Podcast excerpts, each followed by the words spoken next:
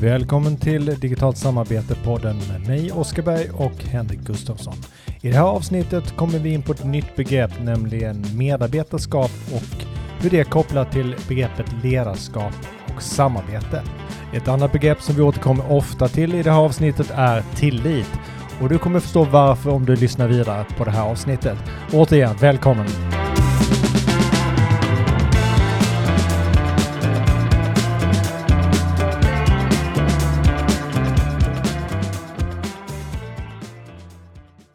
Militärisk disciplin idag, Oskar. God morgon Henrik!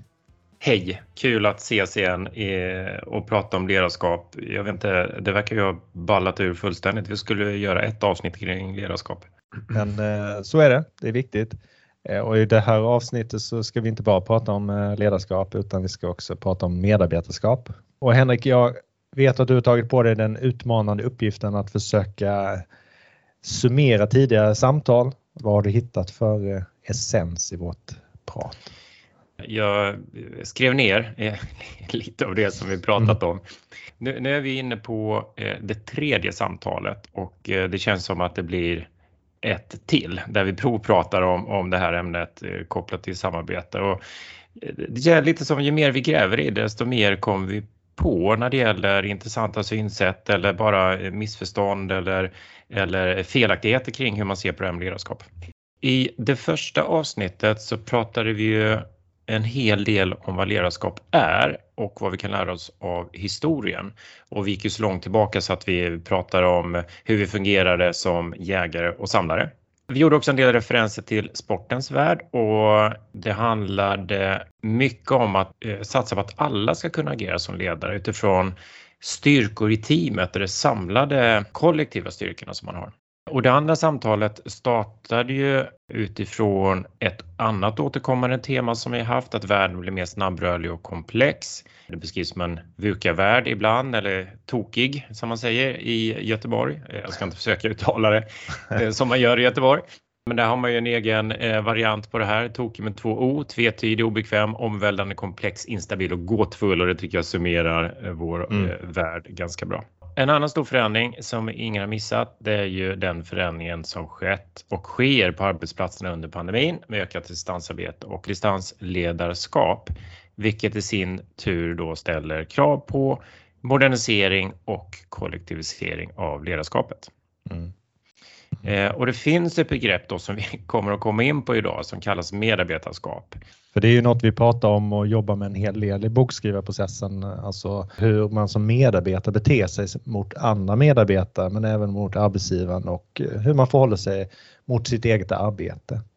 Mm. Vi har ju i tidigare samtal utgått från att det finns en outnyttjad potential hos medarbetarna och att vi själva som medarbetare vill vara mer delaktiga i eh, ledarskapet och, och vara en del av ett mer kollektivt ledarskap. Och det är ju ett synsätt som står i ganska stark kontrast mot den här klassiska bilden av medarbetaren som passiv och lat, någon som behöver ledas och drivas till att göra någonting med hjälp av ledarens piska.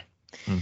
Ja, en sak som vi utforskar är ju vilka uttryckliga krav som man behöver ställa på medarbetare. Framförallt när det gäller deras attityd och beteende kopplade till samarbete som vi har upplevt är ett problem eller en utmaning när man ska införa nya eh, arbetssätt.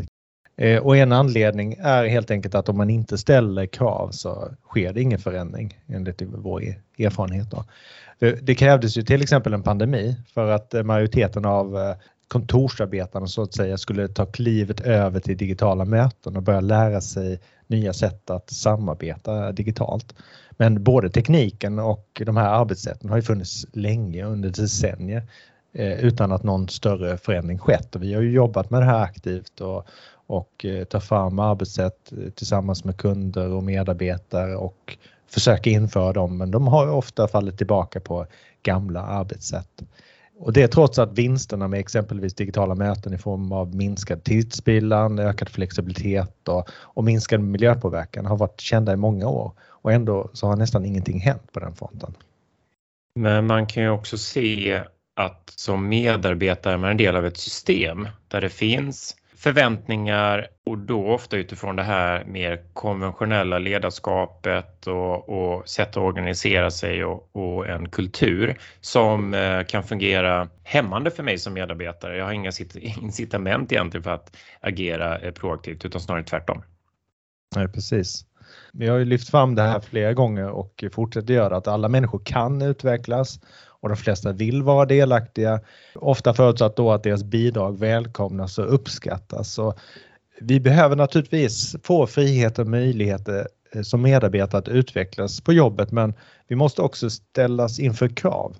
Och just att ställa krav är grundläggande för att vi som människor ska utvecklas och ta mer ansvar. Eh, frihet under ansvar brukar man ju säga.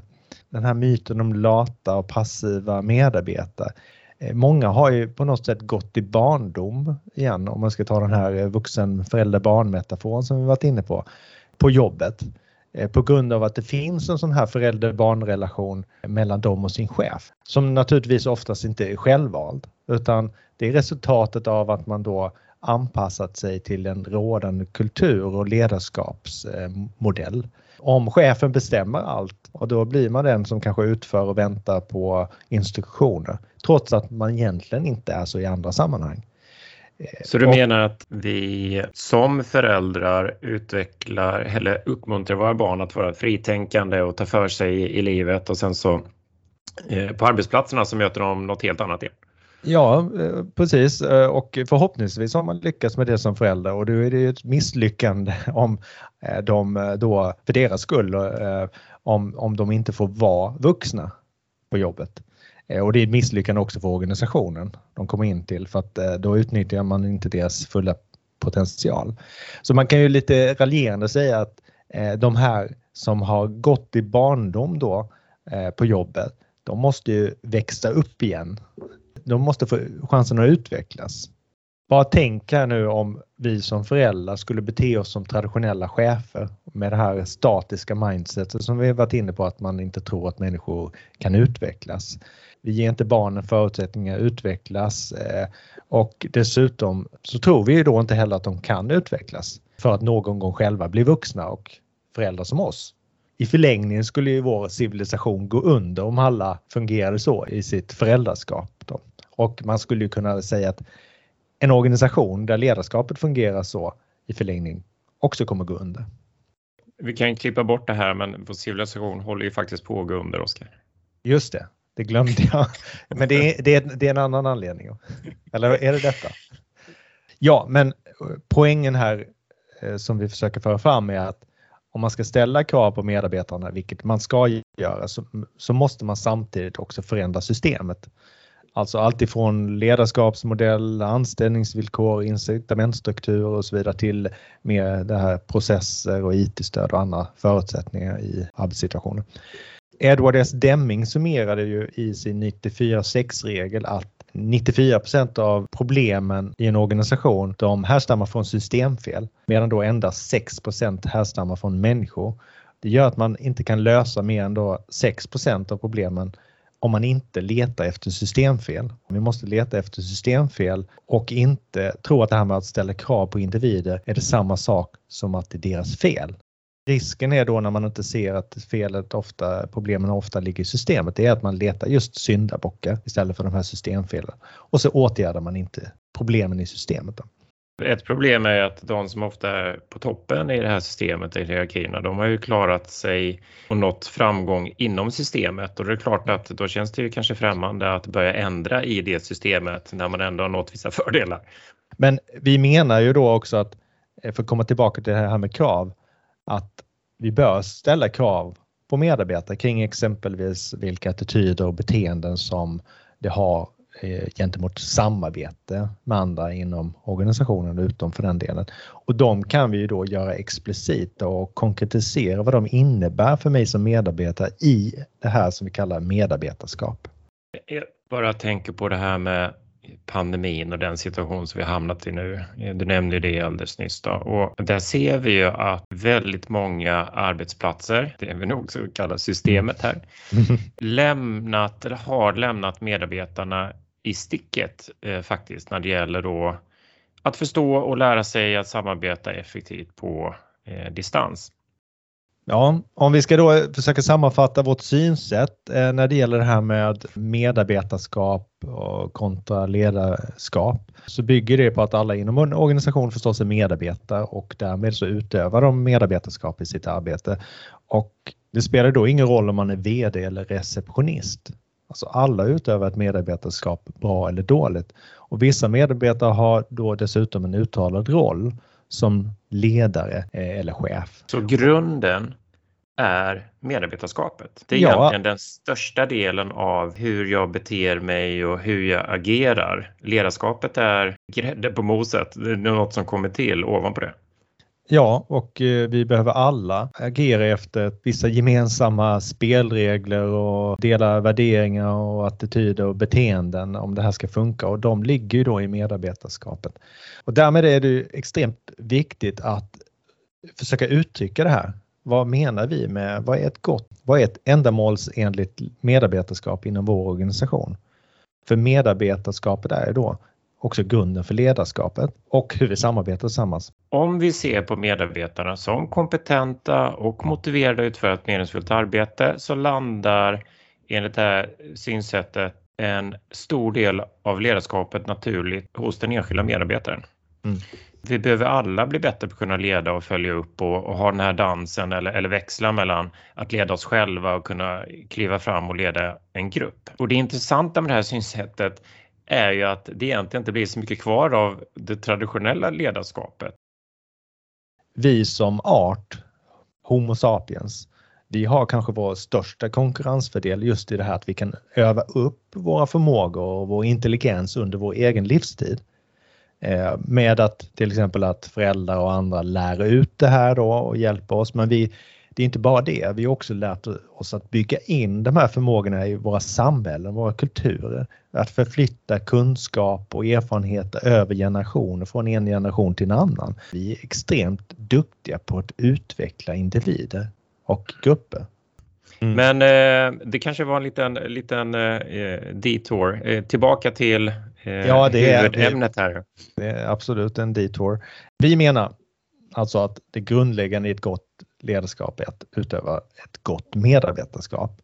Det innebär då att en medarbetare som behöver kunna leda andra till att börja med själv måste utöva sitt medarbetarskap på bästa sätt. Att, ja, det handlar om att vara, försöka vara en förebild. Om jag är en bra ledare eller inte, det är inte något som jag kan säga eller uttala mig om på egen hand egentligen. Och det gäller ju samma sak om jag är en bra medarbetare eller inte. Det måste ju mm. komma från de andra. Och de kommer göra det utifrån hur de ser dig prestera, hur du interagerar med dem och hur du beter dig helt enkelt. Eh, och då funderar jag på det här, men hur blir man en förebild egentligen? Det är något man tittar på bland annat inom vuxenutvecklingen och där pratar man ju i, i grunden om två stycken perspektiv eller två stycken axlar. Man kan tänka sig en horisontell axel som handlar om hur mycket expertis eller områdeskunskap man har. Eh, det kan till exempel vara svårt att arbeta som en eh, säg marknadsförare om man inte pluggat marknadsföring och kontinuerligt, eh, kontinuerligt jobbar med att förfina kunskaperna inom det området. Så att, och det tror jag vi alla kan relatera till, att man på något sätt eh, kan vara mer eller mindre expert inom sitt yrke. Mm. Men sen har vi ju ett helt annat perspektiv, en annan dimension, det som man brukar kalla här den vertikala axeln och det handlar om ens förmåga att förstå sina egna behov, sina känslor och beteenden, förmågan till att känna empati, att förstå andra och det handlar också om ens förmåga att se helheter och, och större syften. Så att det är en, en dimension som innebär en form av personlig mognad som i sin tur då gör det mycket enklare för dig att samarbeta med andra och för andra att samarbeta med dig. Mm. Och då är vi inne på det här att man då kanske börjar uppfattas som någon man kan lita på. Någon som håller sina löften, någon som agerar positivt. Andra ser att man bryr sig om dem och, och kollegorna. Och, och, det är ju sånt här som skapar tillit utifrån sättet att bete sig. Det glömmer man väl kanske ibland när man tillsätter chefer och så vidare att oh, men det här är en expert som verkar kunna sitt område. Men det innebär ju inte automatiskt att man är en lämplig ledare eller bra kollega för den delen. Så att vi behöver en balans här mellan de här två axlarna, det horisontella och det vertikala. Mm. Och det har ju kommit rapporter om just det empatiska ledarskapet och en viktig egenskap som till exempel cheferna på Google har enligt medarbetarna själva är att de är snälla. Och med det menar man väl empatiska, att de har förståelse för eh, medarbetarna och eh, deras situation. För om det finns eller uppstår en, så att säga, en dissonans mellan medarbetarskapet och det medarbetarskap som en chef utövar, då kan ju det slå negativt på de andra medarbetarnas engagemang och, och tillit, eh, framförallt då till den här personen, men det kan ju också sprida sig i gruppen, i organisationen. Eh, och det här kan ju till exempel ske om en formell ledare anser att eh, den inte behöver följa samma regler som andra i sitt medarbetarskap. Till exempel då kan det vara att ge ledarhierarkin förmåner som gratis parkeringsplats. Mm. Det är så klassiskt. Eller hörnkontor med, med utsikt. Vad det här gör är att det undergräver då ledarskapets effektivitet i organisationen och även organisationens effektivitet och produktivitet och innovationsförmåga som en helhet genom att det minskar medarbetarnas engagemang och initiativförmåga och så vidare. Mm. Jag kommer att tänka på, på två grejer. Då. En mm. Eh, av dem läste jag i DN i morse. Där kunde vi se och höra om en direktör på en av våra mest kända sjukhus som fått ett otroligt lönepåslag här nu och tjänar långt mer än statsministern. Mm. Eh, och det finns ju argument då för det här lönelyftet, att det är ett ansvarsfullt uppdrag, stor arbetsbörda. Mm. Men det som skaver lite här då, det är att den här direktören ändå verkar ha tid med olika former av extra knäck och konsultuppdrag. Eh, och då kan man ju tänka sig att eh, det känns lite demoraliserande hos sjuksköterskor och annan vårdpersonal då, som gått på knäna för att klara av vården under pandemin. Och det ansvaret och den arbetsbördan har ju inte direkt synts på lönekontot. Det andra är ju det här med externa motivationsfaktorer överhuvudtaget, att det fortfarande har så stort fokus. Det här med titlar och bonusar och de här förmånerna som, som du nämner, parkeringsplatser och vad det nu kan vara. När vi egentligen vet att de yrkesrollerna som har de här förmånerna inte blir mer motiverade på sikt utan det är bara någonting som man tar för givet. Mm. Man kanske blir besviken om någon tar ifrån en men det bidrar egentligen inte till motivationen. Ja, det är intressant att vi har de här absurda lönerna och bonusarna på vd-nivå som ofta då, ja, som bestäms av styrelsen och, och, att de inte förstår vilken skada det gör. Det, vi kommer tillbaka till det här med hjältedyrkan och att man härleder all framgång till ledaren och då förtjänar den naturligtvis en bonus och resultat. Men det är ju alltid ett samarbete. Och visst, ledaren spelar en stor roll, men när man skapar den här dissonansen så skadar man ju samarbetet. Så man gräver ju liksom organisationens grav i förlängningen genom att skapa den här klyftan mellan de här formella ledarna och medarbetarskapet om man skulle säga så. Tillit är ett ord som vi återkommer till gång på gång och vi tenderar just att se de här som står ovanför oss, eh, alltså de som inte behöver leva efter gemensamma regler då, de som vi själva skrivit under på som hycklare eller glidare. Och då tappar de här sin trovärdighet och slutar lyssna på dem eller göra som de säger då. Om det inte har den här hierarkiska liksom kontrollerande organisationen där man inte vågar göra annat. Så därför är ju medarbetarskapet att utöva det minst lika bra som andra medarbetare grunden för ett bra ledarskap.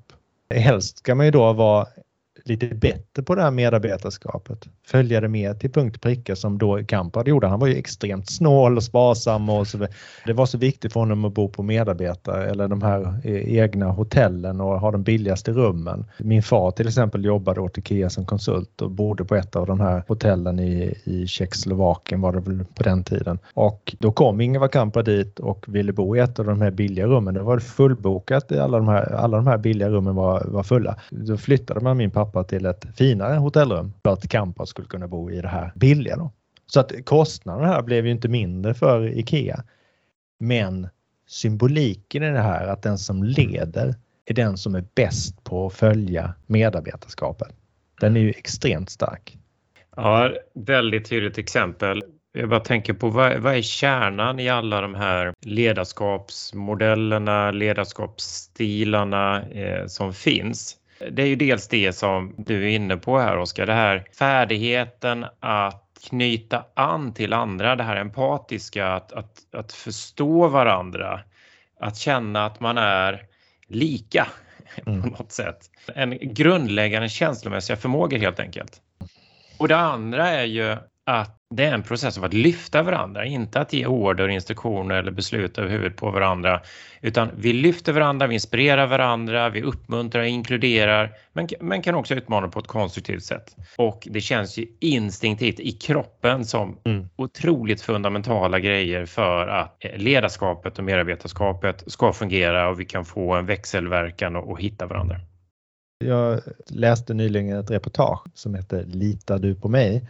På webbplatsen Modern psykologi. I det här reportaget i alla fall så intervjuas Per Granqvist som är professor i psykologi vid, vid eh, Stockholms universitet. Och han konstaterar då att vi är beroende av att leva tillsammans. Det är väl ingen nyhet förvisso då.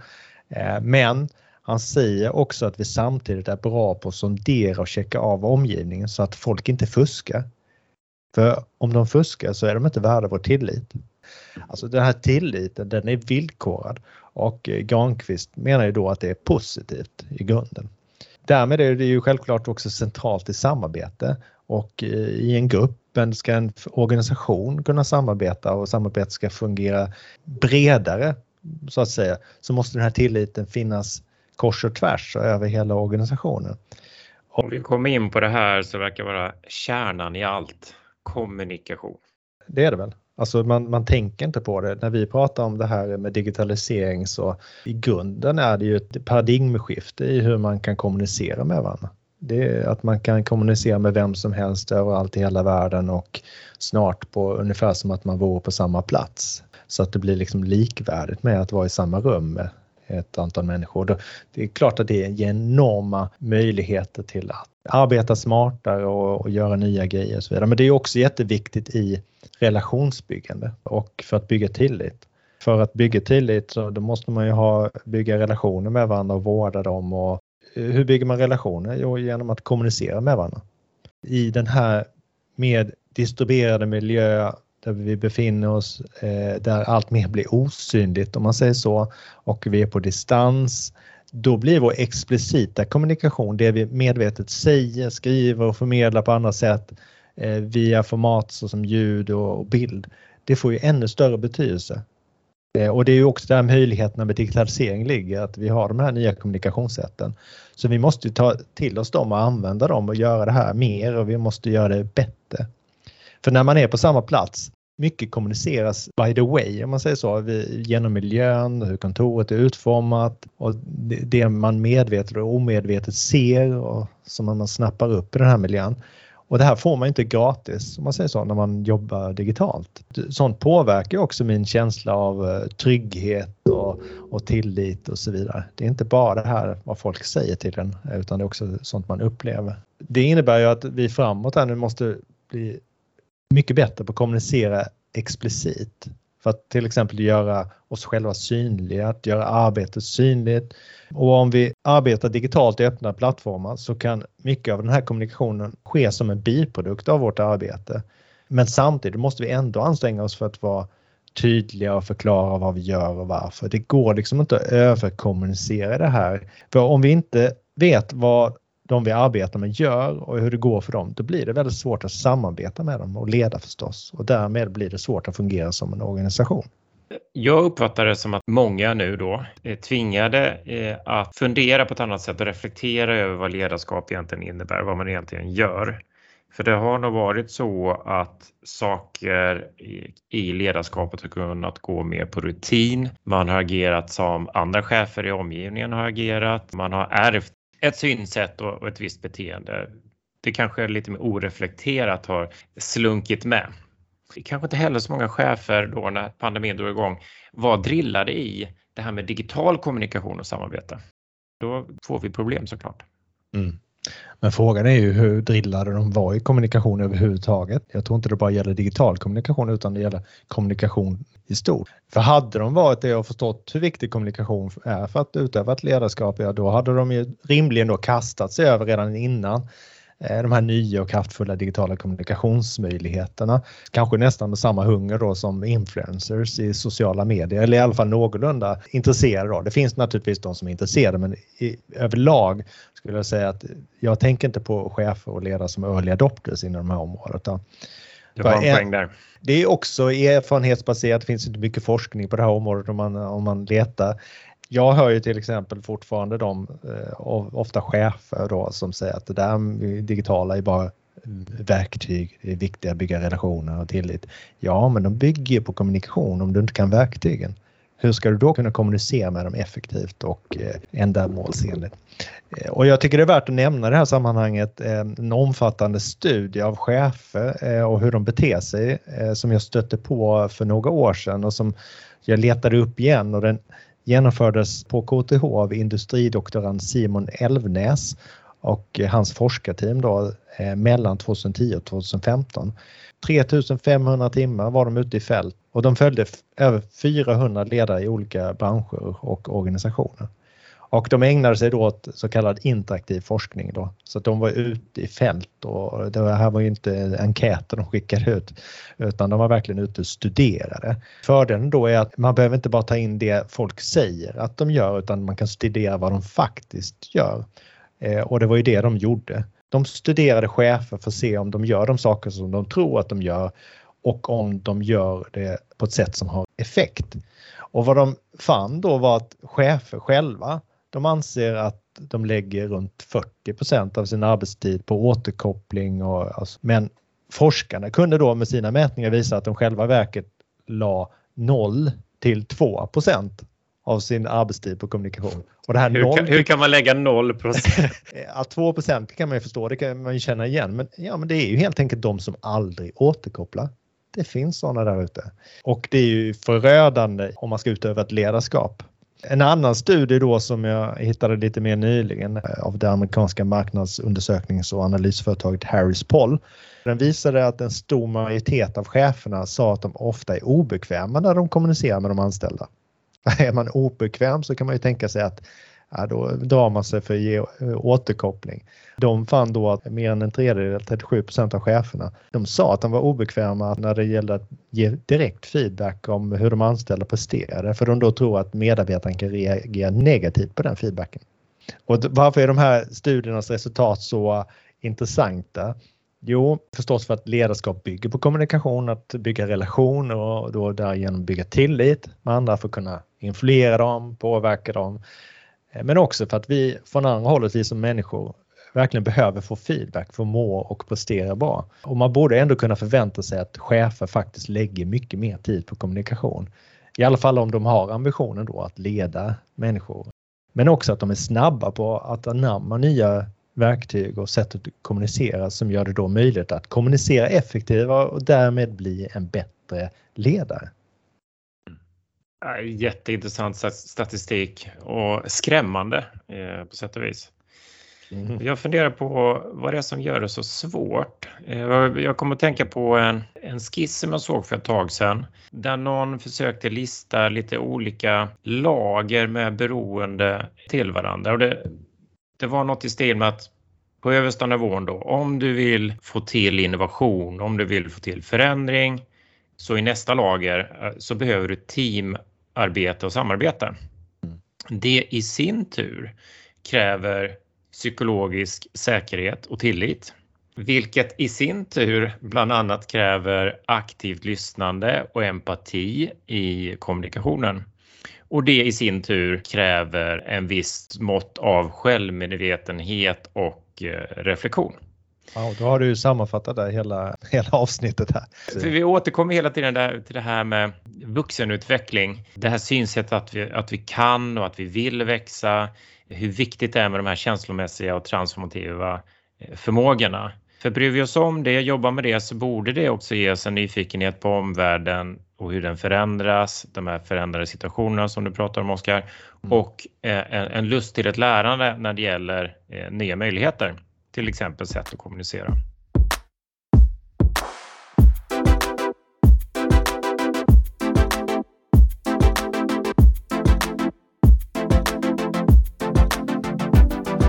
Ja, där fick vi dra ur pluggen för att rädda er från att få en överdos av ledarskap och medarbetarskap om ni inte redan fått det då. I nästa avsnitt så kommer vi gå in på mer praktiska saker kring att leda i en distribuerad miljö. Ha det bra så länge. Tack för att du lyssnade.